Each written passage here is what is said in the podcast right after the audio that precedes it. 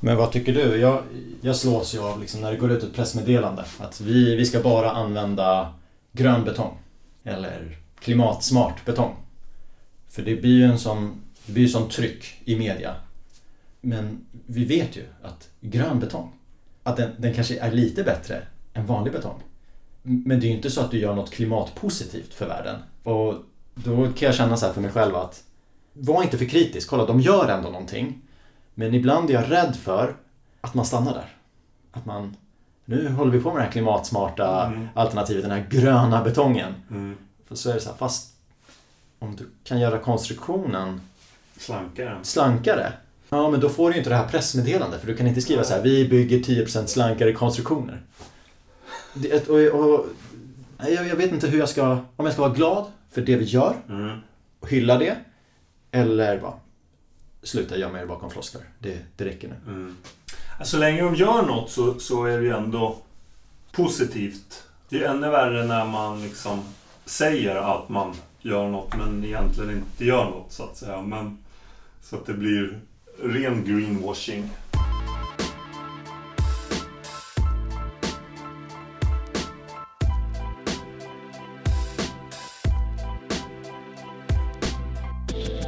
Att bjuda in personer från akademin till att gästa podden är något jag verkligen strävar efter att göra. Jag är starkt övertygad om att det krävs nära samarbete mellan branschföretag och högskolor för att vi ska kunna hålla en hög utvecklingstakt inom samhällsbyggandet. Och det måste vi göra. Min nästa gäst är professor på LTU och gästprofessor på KTH. Hans forskning berör bland annat upphandling och innovation i samhällsbyggandet. Och i dagens avsnitt pratar vi om samspelet mellan akademin och industrin, samarbete och samverkan i byggprojekt samt om upphandling som förutsättning för ett hållbart och innovativt samhällsbyggande. Låt mig presentera Per-Erik Eriksson.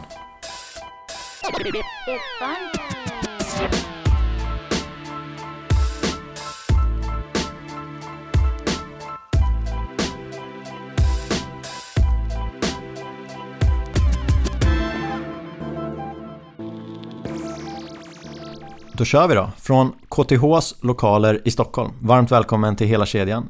Per-Erik Eriksson. Tackar, tackar. Gästprofessor på KTH. Kan du berätta lite mer om dig själv?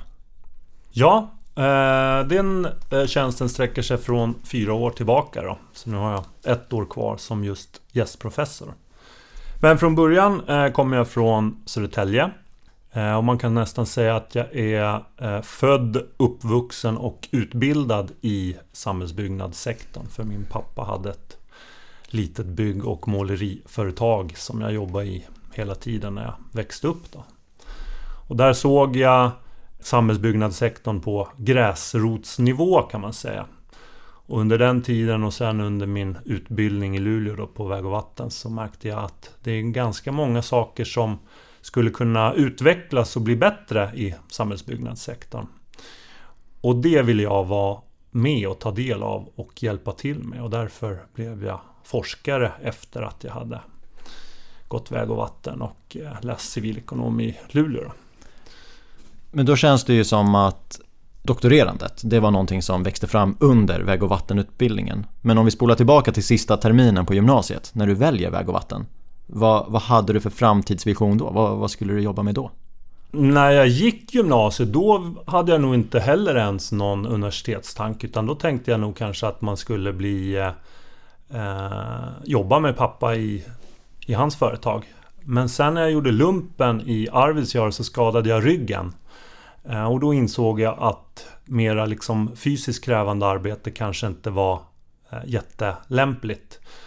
Och efter ett års paus i lumpen gjorde också att man lite grann längtade tillbaka till skolbänken och kände att det var inte så dumt egentligen att plugga. Så, att, så under den tiden som jag sen sökte till Luleå. Det här med att det är mycket i samhällsbyggnadsbranschen som kan bli bättre. Det är ju någonting som eh, jag tror många som lyssnar på den här podden tänker själva. De har säkert fått höra det under tiden de har studerat och från kollegor. När du tänkte att det finns saker som kan bli bättre och som jag vill vara med och påverka. Vilka delar hade du i åtanke då? Mycket var ju faktiskt redan då eh, de interorganisatoriska relationerna mellan beställare och entreprenör och mellan entreprenör och underentreprenör. Eh, för pappas del så var det ju mycket liksom entreprenörsperspektivet och man kanske såg hur, hur eh, små underentreprenörer behandlades av stora entreprenörer. Ehm, så redan, redan då tidigt så, så föddes liksom tankar kring eh, att upphandling och, och samarbeten mellan företag är någonting väldigt intressant att studera. Så det gjorde jag i mitt exjobb på eh, universitetet sen. Då. En fot i Luleås tekniska universitet och en fot i KTH här i Stockholm. Men vad, vad gör du om dagarna? Vad har du för pågående uppdrag? Ja, eh, både på KTH och i Luleå så, så eh, innehåller ju mina dagar eh, mycket liksom seniorforskning men också väldigt mycket doktorandhandledning. Då. Eh, jag är del i en forskargrupp som eh, vi kallar Proxibe. Eh, står för Procurement for Sustainable and Innovative Built Environment. Så att där är vi ungefär 20 forskare som ingår där alla studerar samhällsbyggnadssektorn och alla har mer eller mindre ett upphandlingsperspektiv och liksom projektledning, organisation, ledning, styrning av, av projekt i samhällsbyggnadssektorn. Då. Och i eh, Proxibe då så är jag ansvarig för att koordinera och leda ett forskningsprogram som vi har tillsammans med Trafikverket. Då. Och där eh, är det ungefär ett dussin av de här 20 forskarna som är med mer eller mindre då, i ungefär 20 forskningsprojekt som vi har genomfört eller som pågår just nu. Proxibe är ju ett engelskt namn. Är det för att forskningsprojektet även har fokus utanför Sverige eller är det för att underlätta för utländska forskare att vara, vara med? Eh, det var nog framförallt en akronym för finansiären när vi skulle söka pengar från den stora statliga forskningsfinansiären Formas. Då. Eh, och Anna Kadefors som har rattat det här Proxibe då, och den ansökan. Eh, där kom vi nog fram med den akronymen. Att, eh, ett bra engelskt eh, klingande namn. Då. Både LTH och KTH förser ju varje år branschen med massa nyexaminerade studenter. Och då tycker jag att det är intressant att fråga för nu håller du på med dessutom forskningsprojekt så du har ju en dialog med företag, branschföretag. Hur tycker du att den dialogen är? Med branschföretagen? Hur, hur intresserade är de av att vara involverade i forskningsprojekt? Det varierar ganska stort skulle jag säga. Men överlag ändå tycker jag att många är väldigt intresserade. Eh, och där känner jag ju att vi forskare kan påverka det intresset väldigt mycket. Eh, så att bollen ligger inte bara hos dem, eller ansvaret ligger inte bara hos dem, utan det gäller ju för oss forskare att också försöka nå ut med våran eh, kunskap och våra liksom, forskningsresultat till branschens aktörer. Eh, och det som har varit väldigt påtagligt för mig är ju att branschen inte läser våra vetenskapliga artiklar eh, publicerade på engelska i internationella tidskrifter. Det är inte där vi får intresset från branschen. Utan för oss handlar det om att eh, ska vi skriva något så ska det vara skriftliga rapporter på svenska som är liksom le, mera lättsmälta än en vetenskaplig artikel. Och så handlar det också om att eh, anordna seminarier och eh, möten för diskussion och dialog. Men, men hur funkar det då?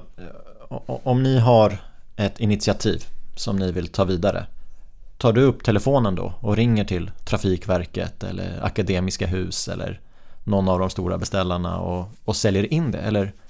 Ja, alltså med just Trafikverket då så kan man väl säga att det är lite på det sättet. För där har vi ju det här gemensamma forskningsprogrammet eh, som jag leder från Proxibe och motsvarande person, Erika Hedgren på Trafikverket, eh, så att säga koordinerar det från deras håll. Då. Så vi har ju en ganska tät kontakt kring koordinering och genomförande av det här forskningsprogrammet och vi möts också en större grupp från eh, Eh, Proxibe och från Trafikverket eh, flera gånger per år för att diskutera forskning och sådär. Så att där har vi alla möjligheter att liksom spela in och komma med förslag till forskningsidéer och diskutera det med dem om de skulle vara eh, intresserade av det. Och de kommer också med egna idéer och, och förslag kring vad de känner behov av forskningsmässigt. Att de skulle vilja ha mer vetenskaplig kunskap om någonting. Då, så kan de fråga oss om, om är det här någonting ni skulle vara intresserade av. Ja, för där har ni en etablerad kontakt. Men om det är eh, ett bolag där ni inte har samma etablerade kontakt, hur, hur gör de? Går de in på Proxibes hemsida och anmäler sig att hej, vi är en beställarorganisation, vi är 50 personer, vi gör det här och det här och sen så har ni det i ett urval, eller hur? För det är väl två vägar ni, du lyfter på telefonen men det finns ju ganska många företag i samhällsbyggnadsbranschen att ringa till. Mm. Så man vill ju ha en shortlist med bolag som faktiskt är intresserade. Ja, alltså där är det väl lite sämre kan man ju säga. Att um, gemensamma forskningsprojekt tror jag kräver ett mer långsiktigt och djupare samarbete och det är ganska svårt kanske just att ta den här första initiala kontakten och komma med en forskningsidé. Så det är sällan vi blir uppringda av företag eh, som har något forskningsbehov.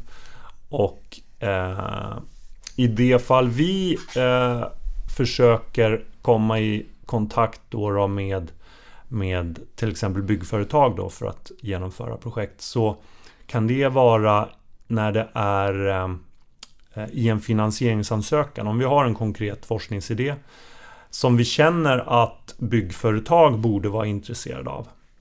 Då kan vi ta kontakt med eh, ett eller flera eh, entreprenadföretag till exempel. Eh, särskilt om vi ska söka pengar från eh, Svenska byggbranschens utvecklingsfond, SBUF. Då har de nämligen som krav att forskningsprojektet ska involvera och gå via ett av deras eh, medlemsföretag. Så, att säga. så då kan inte vi som forskare söka pengar själva eh, utan att ha ett samarbete med en entreprenör. Så då har vi samarbetat med flera olika entreprenörer. Jag tycker bara att det är så intressant för det finns ju vissa, det är kanske fel att säga modord, men de flesta bolag vill jobba med hållbarhet, man vill jobba med produktivitet, eh, man vill jobba med samverkan, erfarenhetsåterföring och det är klart att man kan göra det på sin egen kammare eller komma på en egen konstellation. Men det känns som så givna frågor att gå igenom läroverken i, i Sverige. Det är därför jag undrar hur, hur varm din telefon går för att jag tycker att den borde ringa ofta. Det borde komma massa idéer från branschföretagen. Mm. Alltså det ligger faktiskt, det, det, kan vi inte sticka under stol med. Det ligger en, en stor utmaning också eh, i det här med samverkan mellan industrin och eh, vetenskapligheten eller akademin. Och det är att vi har lite grann olika ambitioner, vi har olika mål. Eh, många företag, eh, om man tar den situationen som du bollar upp så att säga, så skulle ju de vilja ha svaren så snabbt som möjligt så att säga. Och för oss blir det i längden inte särskilt givande att, att eh, medverka i små, snabba forskningsprojekt som levererar bara praktisk kunskap inom ett halvår eller sådär. Eh, tyvärr ser våra, liksom, eh, våran affärsmodell annorlunda ut. Så att vi behöver också publicera vetenskapligt. Vi behöver ha stora långsiktiga projekt där det finns tid för liksom, långsiktig kunskapsuppbyggnad. Och då blir det lite svårt att hugga på massa sådana här små eh, forskningsprojekt där man ska leverera praktiskt användbar kunskap inom ett halvår eller nio månader eller sådär. Mm. En annan sak som du var inne på, du sa affärsidé, men eh, bolagen som är verksamma i branschen, de, de har ju en affär.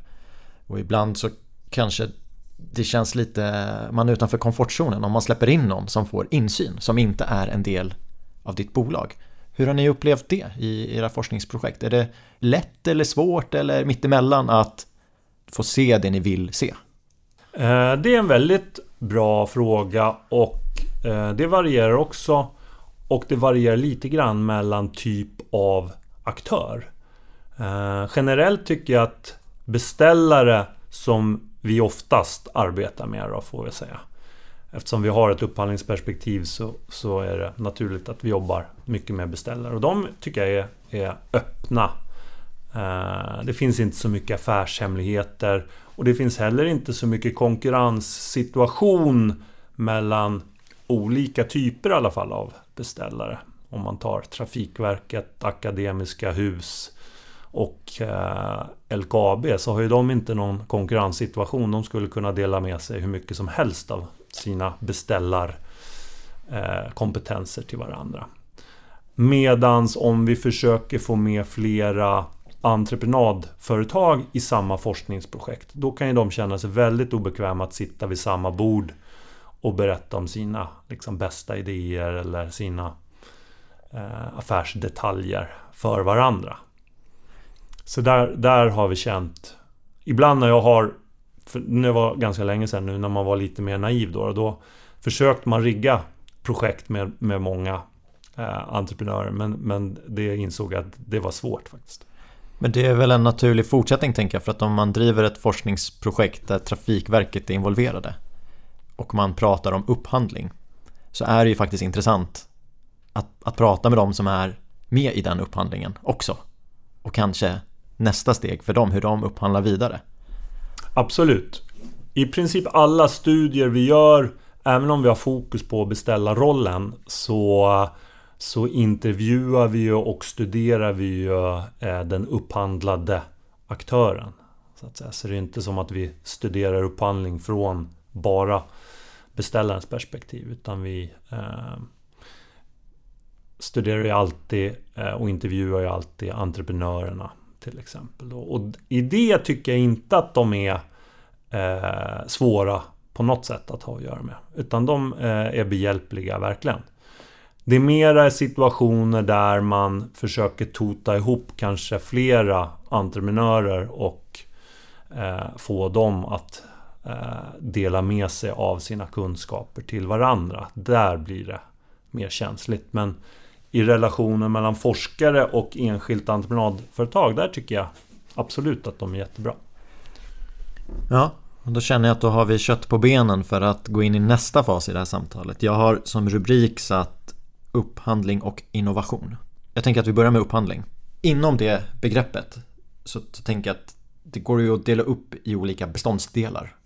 Hur skulle du vilja beskriva men, upphandlingen? Vilka, vilka beståndsdelar ser du där i och kan du berätta lite om respektive del?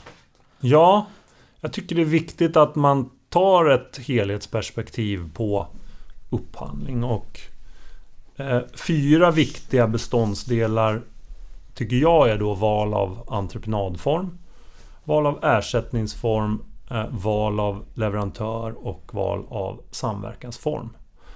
Så det är liksom fyra viktiga val som en beställare eh, måste göra när man Först när man designar sin upphandlingsstrategi och sen ska ju de här också implementeras, de här olika delarna. Och både designen och implementeringen är väldigt viktiga. Och tar man entreprenadformen till att börja med så är det kanske den som har fått mest fokus och mest utrymme i diskussionen hos ja, både media och, och, och hos aktörerna.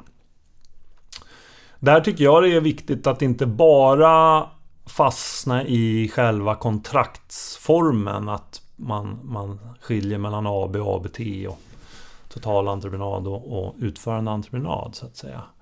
det, ligger li, det är lite mer komplext val än så. För det handlar mycket om hur mycket Eh, detaljeringsgrad ska du ha i ditt förfrågningsunderlag och när i tiden ska du upphandla din entreprenör. En, en väldigt styrd totalentreprenad är ju kanske egentligen mer lik en utförande entreprenad än en så att säga ren totalentreprenad. Så därför är det viktigt att, att inte bara tänka ah, ska vi ha en AB eller en ABT? Utan valet kräver mera eftertänksamhet än så. Då. Sen har vi val av ersättningsform och då är ju rörligt eller eh, fast. Löpande räkning eller fast pris. Men även där finns det ju andra aspekter och då kan ju olika typer av bonusar eh, vara relevanta och ofta har man ju olika viten. Och det påverkar också, tycker jag i alla fall, eh, ersättningsformen. Att man kan ha med det i... När man tänker på ersättningsformen så ska man också tänka i termer av eventuella bonusar och viten så att säga. För det, det påverkar ändå entreprenörens eller leverantörens eh, betalning. Hur mycket ekonomin så att säga i projektet. Och sen finns det ju olika mm, mellanting mellan fast och rörligt. Man kan ha vissa delar på fast och vissa delar på rörligt. Och man kan ha incitament kopplat till riktkostnad och man kan ha fast arvode och sådär. Så, att, så det är också en ganska komplex eh, beståndsdel. Så det handlar inte bara om ska det vara löpande räkning eller fast pris utan det är mycket mer komplext än så. Då. Val av leverantör sen då, den tredje, är ju både eh, själva upphandlingsförfarandet eh, om man ska till exempel ha öppet eller selektivt förfarande om man är offentlig beställare. Och är man privat så kan man ju eh, tänka hur många leverantörer ska jag försöka bjuda in i, till den här anbudstävlingen. Att det är den ena aspekten av val av leverantör. Och den andra, som jag kanske tycker är mer komplex och mer intressant är själva anbudsutvärderingen sen då. Hur ska vi hur ska vi utvärdera de anbud som har kommit in? Och då är det ju med lägsta pris, hur, hur stort fokus det får och hur stort fokus andra aspekter får. Mjuka parametrar brukar man kalla dem. Som genomförande beskrivningar och platsorganisation och sådana här saker. Och sen den fjärde beståndsdelen är samverkansformen då. Och den eh, är ju inte obligatorisk. Eh, de andra tre måste man ju välja något alternativ av. Men eh, samverkansformen är ju helt frivillig så den kan man ju skippa om man vill. Men vill man ha eh, lite ökat fokus på samverkan i projektet då är det ju bra att försöka rigga någon typ av eh, samverkansform som består av olika aktiviteter och verktyg för att eh, interaktionen mellan köpare och säljare ska bli bättre. Då. Det kan ju vara om man pratar partnering så kan det ju vara en partneringledare eller samverkansfacilitator. Det kan vara gemensamt projektkontor där eh, aktörerna sitter tillsammans delar eller hela tiden under projektets gång. Det kan vara gemensam riskhantering, konflikthantering. Eh, sådana saker. Det pratas ju ofta om samverkan och sam samverkansinriktade upphandlingar. Eh, och du får rätta mig om jag har fel, men nu när jag lyssnar på dig så den här sista fjärdedelen, samverkansformen. Eh, det verkar ju mer vara en verktygslåda än en 10-punkts checklista där du måste kryssa i alla rutor. Du får säga om jag har fel. Nej, men absolut. Och det är det som är hela, tror jag, grundtänket man måste ha. I upphandling och i även i samverkan då. Att eh, se det som en verktygslåda där du måste lära dig att bemästra olika verktyg och du måste lära dig att välja rätt verktyg för så att säga rätt för den situation du står inför. Man kan inte bara använda hammaren för att det är sitt favoritverktyg. Ibland kommer det inte hjälpa överhuvudtaget så att säga. Utan det gäller att bemästra hela verktygslådan och inte se det som någon checklista.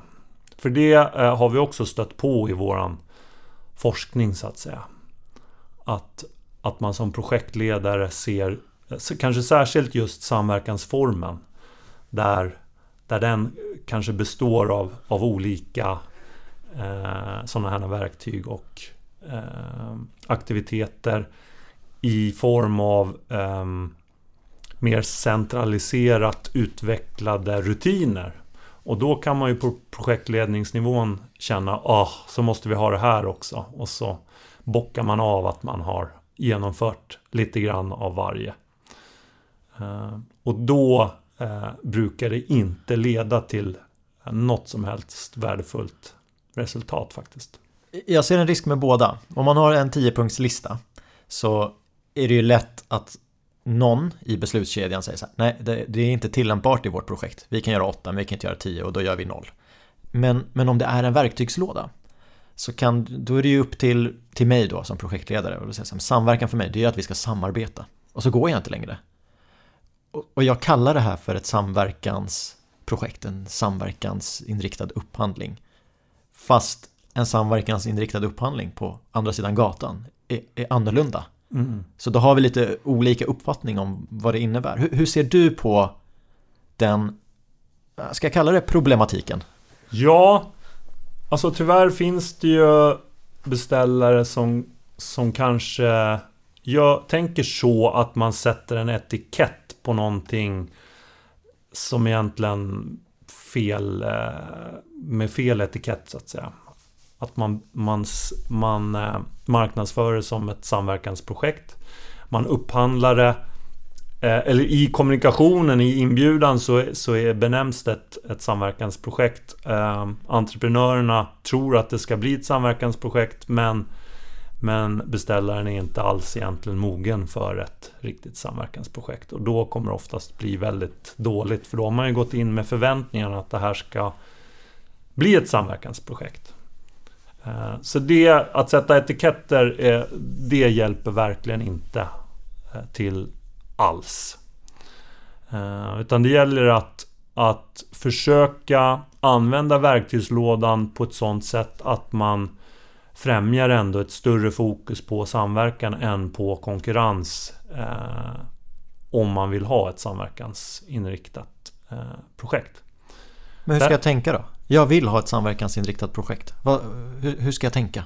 Så att jag väljer rätt saker i verktygslådan. Ja, men då tror jag att eh, det beror på hur, hur eh, stor grad av samverkan vill, man vill ha. Då. Om man vill gå all in på det, då tror jag vad gäller entreprenadformen till exempel att man kanske inte ska gå på en klassisk AB eller ABT utan då kanske man bör upphandla någon typ av eh, sån early contractor involvement eh, form som består av två faser då, där man delar in det i fas 1 som, som handlar mer om, om att ta fram en, eh, ett pris tillsammans för entreprenaden. Och om man kommer överens om, om det så kan man sen fortsätta i fas, fas 2 med detaljprojektering och produktion så att säga. Att redan där i entreprenadformen inte bara upphandla en, en AB eller ABT på klassiskt sätt. Och sen ersättningsformen så ska man gå all in på samverkan då är fast pris ganska trubbigt faktiskt. För att det skapar inte den här win-win situationen. Så att det bör vara baserat på eh, löpande räkning i grund och botten. Eh, men man kan ju ändå ha någon till exempel fast arvode eller så. Så att det finns vissa drivkrafter till att eh, inte låta timmarna löpa på. Eh, hur som helst. Många offentliga och kanske också privata beställare är ju lite rädda för löpande räkning och eh, att det ska bli galopperande räkning så att säga. Så att erfarenheten tycker jag är att om du ska om du känner att löpande räkning ändå är mest lämpligt för att osäkerheterna är så stora Då bör man också vara samarbetsinriktad i övriga delar i upphandlingsstrategin. Så att man inte är konkurrensinriktad i övrigt och sen har man en löpande räkning som ersättningsform. För då finns det större risk att det blir eh, att beställaren blir lite grann kanske lurad av med självkostnader och sådana här saker. Så det gäller att gå lite all in på samverkan om man ska ha löpande räkning. Och när man ska kanske frångå AB eller ABT, det blir ju jobbigare. För vi går ifrån någonting som är standardiserat. Min upplevelse är att ofta så håller man kvar vid de kontraktsformerna. Ersättningsformen kan fortfarande vara fast pris. Man sätter samverkansetiketten på det och det går bra. Men det är personberoende. Är det möjligt att frångå det personberoende? Har du sett några exempel på det? För jag, jag tänker att så som du berättar med kontraktsformer, incitament. Ja, men ju mer sånt du gör så teoretiskt så kan du frångå det personberoende. Men har du sett några lyckade exempel på ja, men vi, vi gjorde det här och det blev jättelyckat och det var inte person, personerna nödvändigtvis? Tyvärr är nog personerna väldigt viktiga. Eh, men man kan ändå påverka eh, den situationen. Eh, jag tycker att det är ganska fruktbart att skilja mellan formell och informell samverkan. Man skulle kunna kalla det formell samverkan och informellt samarbete om man vill. Men jag brukar ha svårt. Jag har aldrig sett någon bra de definition om skillnaden eh, mellan samverkan och samarbete. Men det är det informella och det formella. Det, det är det som är skiljelinjen och det viktiga. Och som du säger då, eh, upphandlingsstrategin, samverkansformen. Det är ju de här formella verktygen som vi ingenjörsmässigt kan implementera för att främja samverkan. Men vår forskning visar eh, att den informella samverkan är eh, precis lika viktig eller kanske viktigare. Och den informella, det handlar ju mer om öppenhet, förtroende, respekt, personkemi. Eh, Sådana saker. Då. I en forskningsstudie som vi gjorde för typ tre år sedan eh, på Trafikverkets alla konsultkontrakt. Trafikverket upphandlar tekniska konsulter för planering och projektering. Då såg vi att eh, komplexitet i projektet det driver en ökad användning av de här formella samverkansaspekterna. Eh, men formella samverkansaspekter driver i sin tur inte bättre prestation i de här kontrakten. Tid, kostnad, kvalitet, sådana saker. Utan det driver den informella samverkan som i sin tur driver en bättre prestation. Vi gjorde också, det var här var eh, drygt 100 kontrakt som vi studerade från både beställarsida och eh, utförarsida. Då. Men vi gjorde också intervjuer i tio av de här så att vi hade en ganska djup eh, forskningsstudie kring det här. Då. Och det vi såg var just den här uh, checklistementaliteten så att säga. Att när man hade checklisteperspektivet på den formella samverkan så kanske det inte främjade den informella eh, delen av samverkan och då uppnådde man heller inga resultat.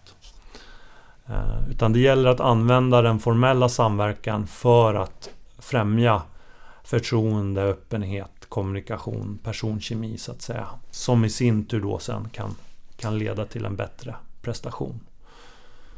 Eh, och det blev väldigt eh, tydligt.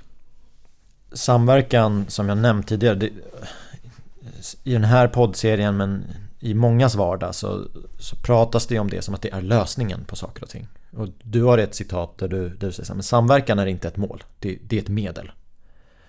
Och då tänker jag att det är ett medel för att nå ett mål. Då ska man ju ha andra mål. Och att ett projekt ska vara klart i tid och till rätt kostnad är väl två givna saker.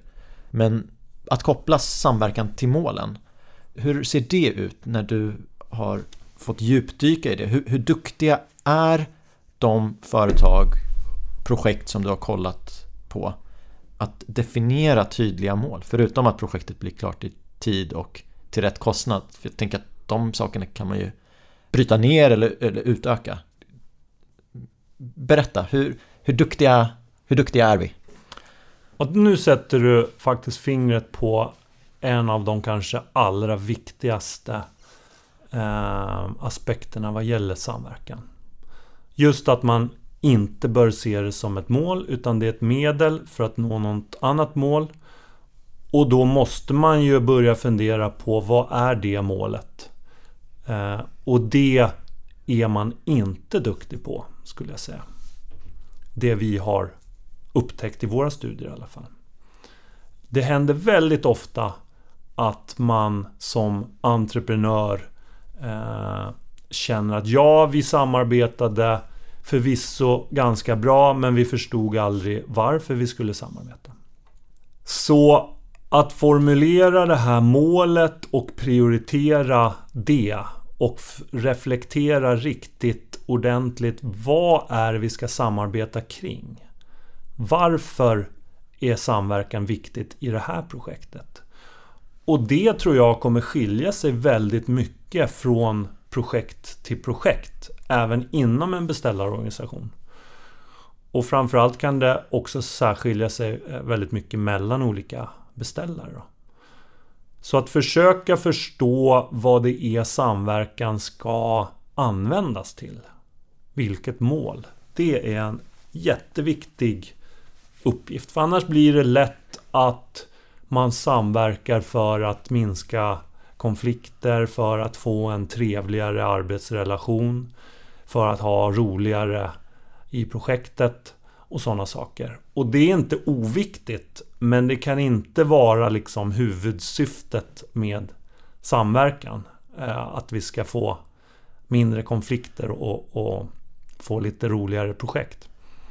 För då kommer de högre cheferna inte vara nöjda med att projektledningsorganisationen eh, börjar implementera samverkan i, i väldigt hög utsträckning för att de högre chefsnivåerna ser aldrig fördelen av samverkan. Att ha roligt på jobbet. För de är inte med och ser hur kul det kan vara så att säga. Så det är liksom en otroligt viktig reflektionspunkt. Vad är det vi ska använda det till? Och när man väl har analyserat och förstått det, då tror jag att man behöver rigga upphandlingsstrategin, projektledningshanteringen för att stämma in på det. Eh, för alla samverkansmål kan nog inte hanteras på samma sätt. Om vi tar ett exempel så Samverkan krävs ofta kanske när det är väldigt svåra eh, renoveringsprojekt. Man vet inte vad som finns i väggarna på, på det, det gamla, det befintliga. Då måste man ha samverkan kring det. Eh, det kan vara ett projekt, eh, till exempel ombyggnad av ett sjukhus. Där den pågående befintliga verksamheten eh, är jätteviktig och inte får störas medan man bygger nytt eller bygger om i delar. Ja, då är ju det kanske den centrala eh, och målet med samverkan. Och det kan finnas mera innovationsrelaterade eh, mål som att vi måste tillsammans utveckla nya produktionsmetoder för att nå eh, lägre klimatpåverkan eller sådana här saker. Och då är det ett mål. Och det betyder ju att projektet kommer kanske se helt olika ut beroende på vilket mål med samverkan man har. Då. Och, och det vi har upptäckt då i många projekt är då att man inte har prioriterat och kommunicerat varför samverkan ska ske. Utan man genomför de här eh, formella samverkansaktiviteterna och så. Men alla aktörer förstår egentligen inte riktigt varför. Okej, okay, nu har vi gjort det här men vad, vad ska det leda till? Och om det är ett mål då ska vi, då är, det, då är det bra om vi knyter någon form av parameter, ersättningsparameter till målet. Mm. Är jag inne på det rätt då? Absolut. Så det kan vara en del av det hela att ersättningsformen kanske ska riggas mot det målet. Kanske ska ge en bonus för eh, hur störningsfri Eh, det här eh, sjukhusverksamheten kunde pågå under ombyggnationen. Det kanske ska knytas en, en eh, bonusmöjlighet till eh, huruvida man eh, nådde en högre CO2-reduktion i projektet än vad målet var. Så att beroende på vad det är för mål man har med samverkan så bör olika delar i upphandlingsstrategin då eh, skräddarsys. Till exempel ersättningsformen. Ibland men, är det ju tvärtom. Eh, förlåt för att jag avbröt dig, men ibland är det ju att om verksamheten inte kan använda det här rummet under en dag, då är det ett vite. Mm. Alltså tvärtom emot en mm. bonusparameter. Det är inte samma sak. Nej, det är ju inte det. Eh, många beställare använder nog viten på egentligen samma sätt oavsett om det är ett samverkansprojekt eller inte. Man har ganska mycket viten knutna till sina entreprenadkontrakt. Och entreprenörerna tycker det är ganska missvisande och lite förvirrande att men om det är ett samverkansprojekt, ska, varför ska vi ha så här mycket viten då? Eh, så att överlag för att främja en, en, en, bra samverkansrelation så är det väl lite bättre att tänka i form av morötter och bonusar istället för piskor och viten. Så att säga. Sen kan ju vissa viten ändå vara eh, rimliga om det är väldigt stora konsekvenser. Men att jobba med, med hundratals typer av viten på precis traditionellt sätt, det kan bli lite förvirrande.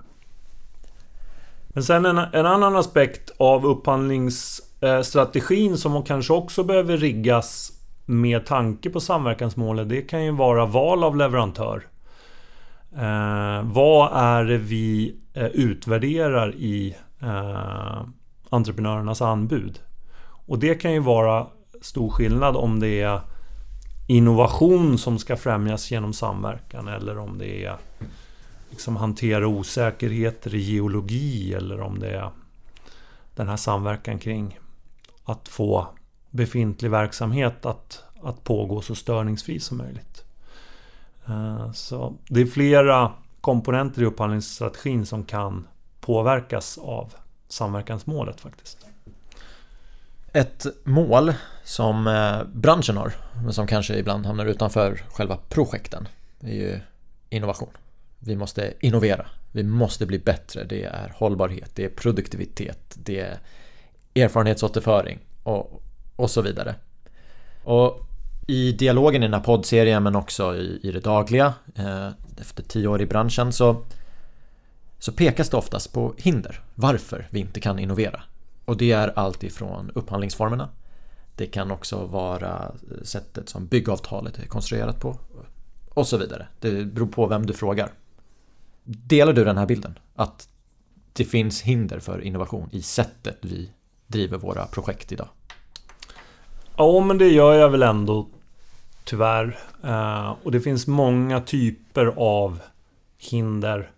Men jag tror att man ska se dem som utmaningar också som faktiskt kan påverka. Så att man får inte liksom bara bli eh, nedslå blir nedslagen av att det är så mycket hinder så det är ingen idé jag försöker. Utan det är utmaningar som vi alla tillsammans måste hantera. Olika aktörer får, får liksom hantera det eh, från sitt perspektiv. Vi håller just nu faktiskt på med en just innovationsstudie. Som syftar till att skapa någon typ av analysverktyg baserat på ett teoretiskt ramverk som beställare kan använda för att förstå sina innovationsbehov. Och just nu så håller vi på och intervjuar eh, både beställare, konsulter, entreprenörer eh, kring innovation och det är ju jättespännande. Eh, det är ju den del av mitt jobb som, som är allra roligast. Att, att få gå ut och intervjua intressanta och duktiga människor i samhällsbyggnadssektorn. Eh, och det här eh, är ju en fantastiskt rolig och viktig studie som vi gör nu då, där vi får prata innovation med människor som faktiskt är intresserade av innovation också. Man märker att de tycker att det är kul att i en intervju få prata innovation i en och en halv timme. Så att, eh, det är många som snarare är svåra att stoppa när tiden börjar eh, rinna ut än att, än att de vill gå därifrån. Eh, men många kommer in på just eh, att det är utmanande med innovation eh, i samhällsbyggnadssektorn. Och det beror av många aspekter. Dels är det ju en projektbaserad eh, bransch. Och där är ju de temporära projekten i fokus. Och det hindrar lite grann mer långsiktig perspektiv på till exempel innovation. Men även långsiktigt perspektiv på ja, ständiga förbättringar och produktivitet och sådär. Alla förbättringar, alla initiativ måste löna sig redan i det enskilda projektet. Så är det nästan 99 gånger av 100. Så jag skulle säga att den projektbaserade verksamheten, det är en viktig utmaning. Och de spänningar som uppstår mellan den permanenta organisationen och det temporära projektet. En annan aspekt är kultur, attityder, eh, förändringsobenägenhet. Som många också beskriver. Den tycker jag har luckrats upp ändå lite senaste åren. Jag ser inte det längre som något jätteproblem. Många vill vara med och utveckla samhällsbyggnadssektorn. Många vill vara med och driva innovation. Inte alla. Människan är ju eh, liksom i grunden lite förändringsobenägen och kanske tycker att det är tryggt och säkert att göra som man brukar göra. Men, men jag tror att det här hindret ändå har luckrats upp och eh, minskar med tiden. Så det tycker jag är bra. Och sen upphandlingsstrategierna, absolut, det är eh, ett hinder. Ett, ett tredje av de här hindren som ofta beskrivs. Men det är ett ganska komplext hinder som, som inte har något enkelt svar, så att säga. Det, om det hade varit enkelt att ändra dem så hade, så hade man nog gjort det vid det här laget. Eh, så att, men det är någonting som beställare måste verkligen eh, jobba med. Och det är det vi vill uppnå i den här studien kring innovationsbehov. Att man måste först förstå sina innovationsbehov för att sen kunna anpassa sina upphandlingsstrategier för att främja den innovation som man vill ha. Ungefär som vi pratade alldeles nyss om vad är målet med samverkan så måste man också fundera på vad är målet med innovation? Vilket värde är det eh, vi vill eftersträva med den här innovationen? Och det vi har upptäckt i både litteraturen och i när vi, när vi pratar med eh, samhällsbyggnadssektorns aktörer är ju att många pratar om Eh, dimensionen eh, radikal kontra inkrementell innovation. Och det är det många kommer in på när man frågar, frågar liksom, vad är innovation? Ja, är det för inkrementellt, för små ändringar, då är det inte ens innovation. Då är det business as usual, så att säga. Men innovation behöver inte vara de här jätteradikala förändringarna som är helt banbrytande och nya för världen.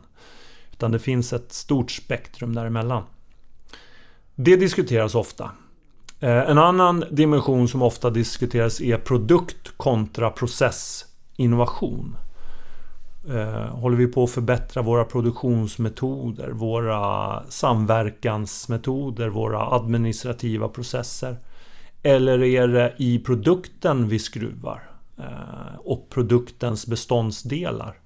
Komponenter, material och så vidare. De två dimensionerna eh, är viktiga. Men eh, de diskuterar man också och tänker ganska mycket kring. Och det man kanske tänker på för lite är just det här vad. Eller varför. Varför ska vi innovera? Vad är det innovationen ska skapa för värde? Precis på samma sätt som med samverkan. Att det gäller att fundera på varför.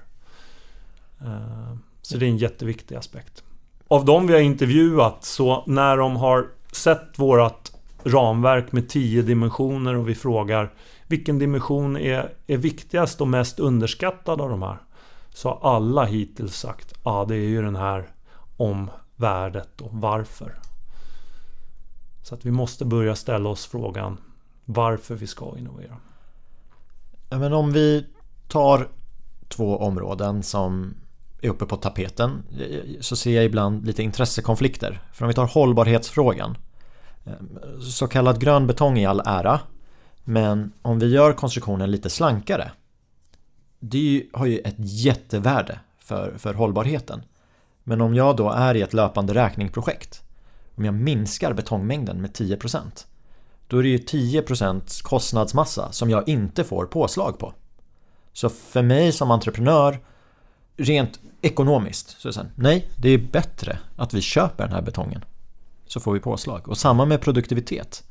Om jag kan förbruka 8000 timmar istället för 10 000, det är 2000 timmar jag inte får påslag på. Och vissa, ja men då kan ju du skicka dem till ett annat projekt. Ja. Eller så är det ju mycket lättare för mig att de är kvar precis här. Och när jag, när jag lyssnar på dig så är det så här, men visst i samverkansformen om de här sakerna är viktiga så kan vi definiera dem. Men då ställs ju det mot att vi bygger komplexa projekt när vi går in i ett fas 1. Det är inte säkert att vi vet, okej okay, men om vi ska minska betongåtgången med 10% ja men vad, vad är det vi ska utgå ifrån? För produkten är inte definierad. Och samma med timmar. Och det tänker jag att det kan skilja sig mellan olika branscher. Att i andra branscher så projekterar du helt klart in-house och sen så börjar du bygga om det är en bil. Men, men inom bygg så vi gör ju det lite parallellt och jag förstår inte hur eller jag förstår hur man skulle kunna fixa de här sakerna men jag tror ju att det för vår bransch är ett jättesteg att ta. Med din insyn, hur, hur ser du på hur gör vi i praktiken? Ja, alltså i en i en eh, lite mer eh, normal entreprenad som är baserad på en, en eh, total eller en utförande entreprenad AB eller ABT då och löpande räkning så då kan man ju med ett fast arvode ändå skapa drivkrafter för att sänka kostnaderna. Ja, entreprenören får lägre betalt på sina självkostnader men eftersom eh, arvodet är satt till en fix summa så ökar ju deras vinstmarginal i projektet om de sänker de övriga kostnaderna. Eh, eller de rörliga kostnaderna. Så där skulle jag vilja säga att, att det fasta arvodet är en viktig drivkraft för att kunna göra den typen av innovationer jämfört med om du har en ren löpande räkning med rörligt arvode. Och det är ju ofta den synpunkt man stöter på i intervjuer kring hinder för innovation eh, kopplat till upphandlingsstrategier och framförallt ersättningsform. Då. Att löpande räkning ger ju inte eh, Eh, några drivkrafter. Men om du har ett fast arvode kopplat då, då funkar det mycket bättre.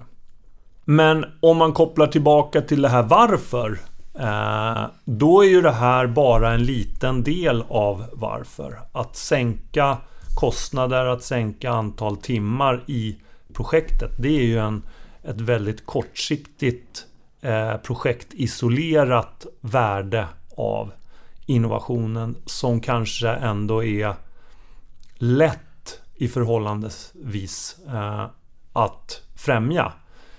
Det svårare blir ju att, att främja värden som är långsiktiga och kanske snarare samhällspåverkande. Som CO2-reduktion eller, eller minska långtidsarbetslösa eh, genom praktikantplatser och sådana här saker.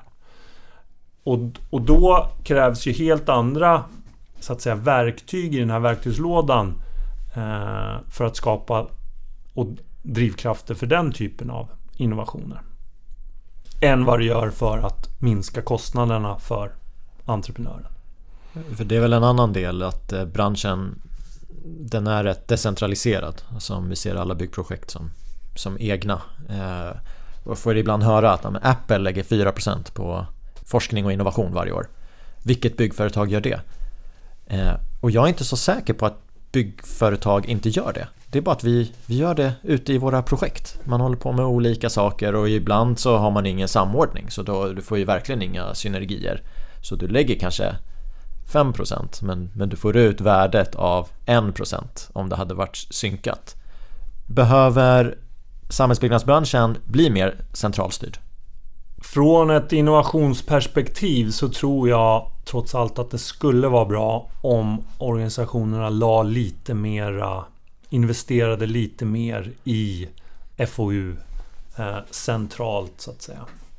Den här har ju kanske snarare minskat med tiden. Alltså våra svenska entreprenad, de stora entreprenadföretagen och ännu mer de små eh, har ju inte liksom stora teknikavdelningar och FoU-avdelningar som, som utvecklar produkter och metoder in-house. Eh, för att det kostar för mycket. Det blir för hög eh, overhead-kostnad. Ehm, så jag tror att, att det här eh, mera långsiktiga innovationer för samhällets bästa då, de tror jag blir lite svårt att bara hela tiden jobba med projektbaserad innovation i de enskilda affärsprojekten och det är där vi investerar uh, i innovationsarbete. Om inte beställarna då radikalt ändrar sina upphandlingsstrategier så att den typen av innovation uh, främjas även där då. Men jag tror att man att man ska ta ett helhetsperspektiv här och se att det krävs både och. Så det är inte det ena eller andra utan jag tror att vi kommer behöva öka innovation med mer centrala eh, medel och öka innovation i de enskilda affärsprojekten. Hur intresserade är de företag du pratar med i samhällsbyggnadsbranschen av att faktiskt eh, förändra hur de upphandlar och organiserar projekt? Ja, här är ju liksom affärsperspektivet väldigt tydligt. Att så länge man tjänar pengar på det man gör eh, och inte upplever någon större yttre press. Då har man inte tillräckliga drivkrafter för att genomföra några större förändringar eh, ändå. Jag lyssnade faktiskt igenom ett par av, av dina tidigare poddavsnitt och, och, ni kom in på eh, begreppet Burning Platform under ett par stycken. Och jag kan tänka mig ändå att eh, Agenda 2030 och de nya hållbarhetsmålen håller på att skapa någon typ av Burning Platform känsla som kommer förstärkas under de kommande åren. Eh, och det kanske är positivt faktiskt den här gången. För att det, det är någonting, det är en drivkraft som ändå är positiv jämfört med om det är en ekonomisk kris som bara är... Den är ju väldigt negativ laddad. Nu är ju klimatförstöring är ju negativt men själva målen är ju ändå en positiv eh, drivkraft.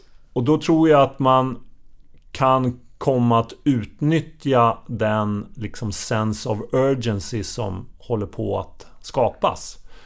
Eh, och det upptäcker vi under de här intervjuerna kring innovation. Att många känner så att nu kommer vi kunna skapa en efterfrågan, en press eh, på innovation ur ett hållbarhetsperspektiv. Återigen om, om vi går tillbaka till det här varför. Så kommer varför inte enbart handla om att sänka kostnader och reducera tidplanen i det enskilda projektet. Utan nu håller det på att skapas ett annat varför. Att vi måste eh, få en, en mer hållbar samhällsbyggnadssektor och att våra liksom, klimatavtryck och klimatpåverkan måste reduceras. Du, vi spelar in det här i juni 2022. Om vi ses igen om åtta år, juni 2030, vad pratar vi om då? Då pratar vi om, om jag ska ha en glädjekalkyl nu då. Eh, jag försöker vara positivt lagd. Eh, då pratar vi om eh, att vi är lite imponerade och kanske lite positivt överraskade ändå hur samhällsbyggnadssektorns aktörer har försökt och påbörjat resan eh, och vi kan se tydliga tecken på att, att de börjar nå dit eh, vad gäller det här varför-frågan och att de här eh, projektspecifika innovationerna för att spara tid och kostnad i det enskilda projektet. Eh, att man har svängt om och faktiskt innoverar, utvecklar, förändrar för att utveckla samhällsbyggnadssektorn och det omgivande samhället i form av till exempel klimatpåverkan och så. Det ser vi fram emot. Då kanske både du och jag fortfarande är aktiva om, om vi har den utvecklingen att se fram emot. Mm. Du, tack för att du gästade hela kedjan. Tack! Kul att vara här.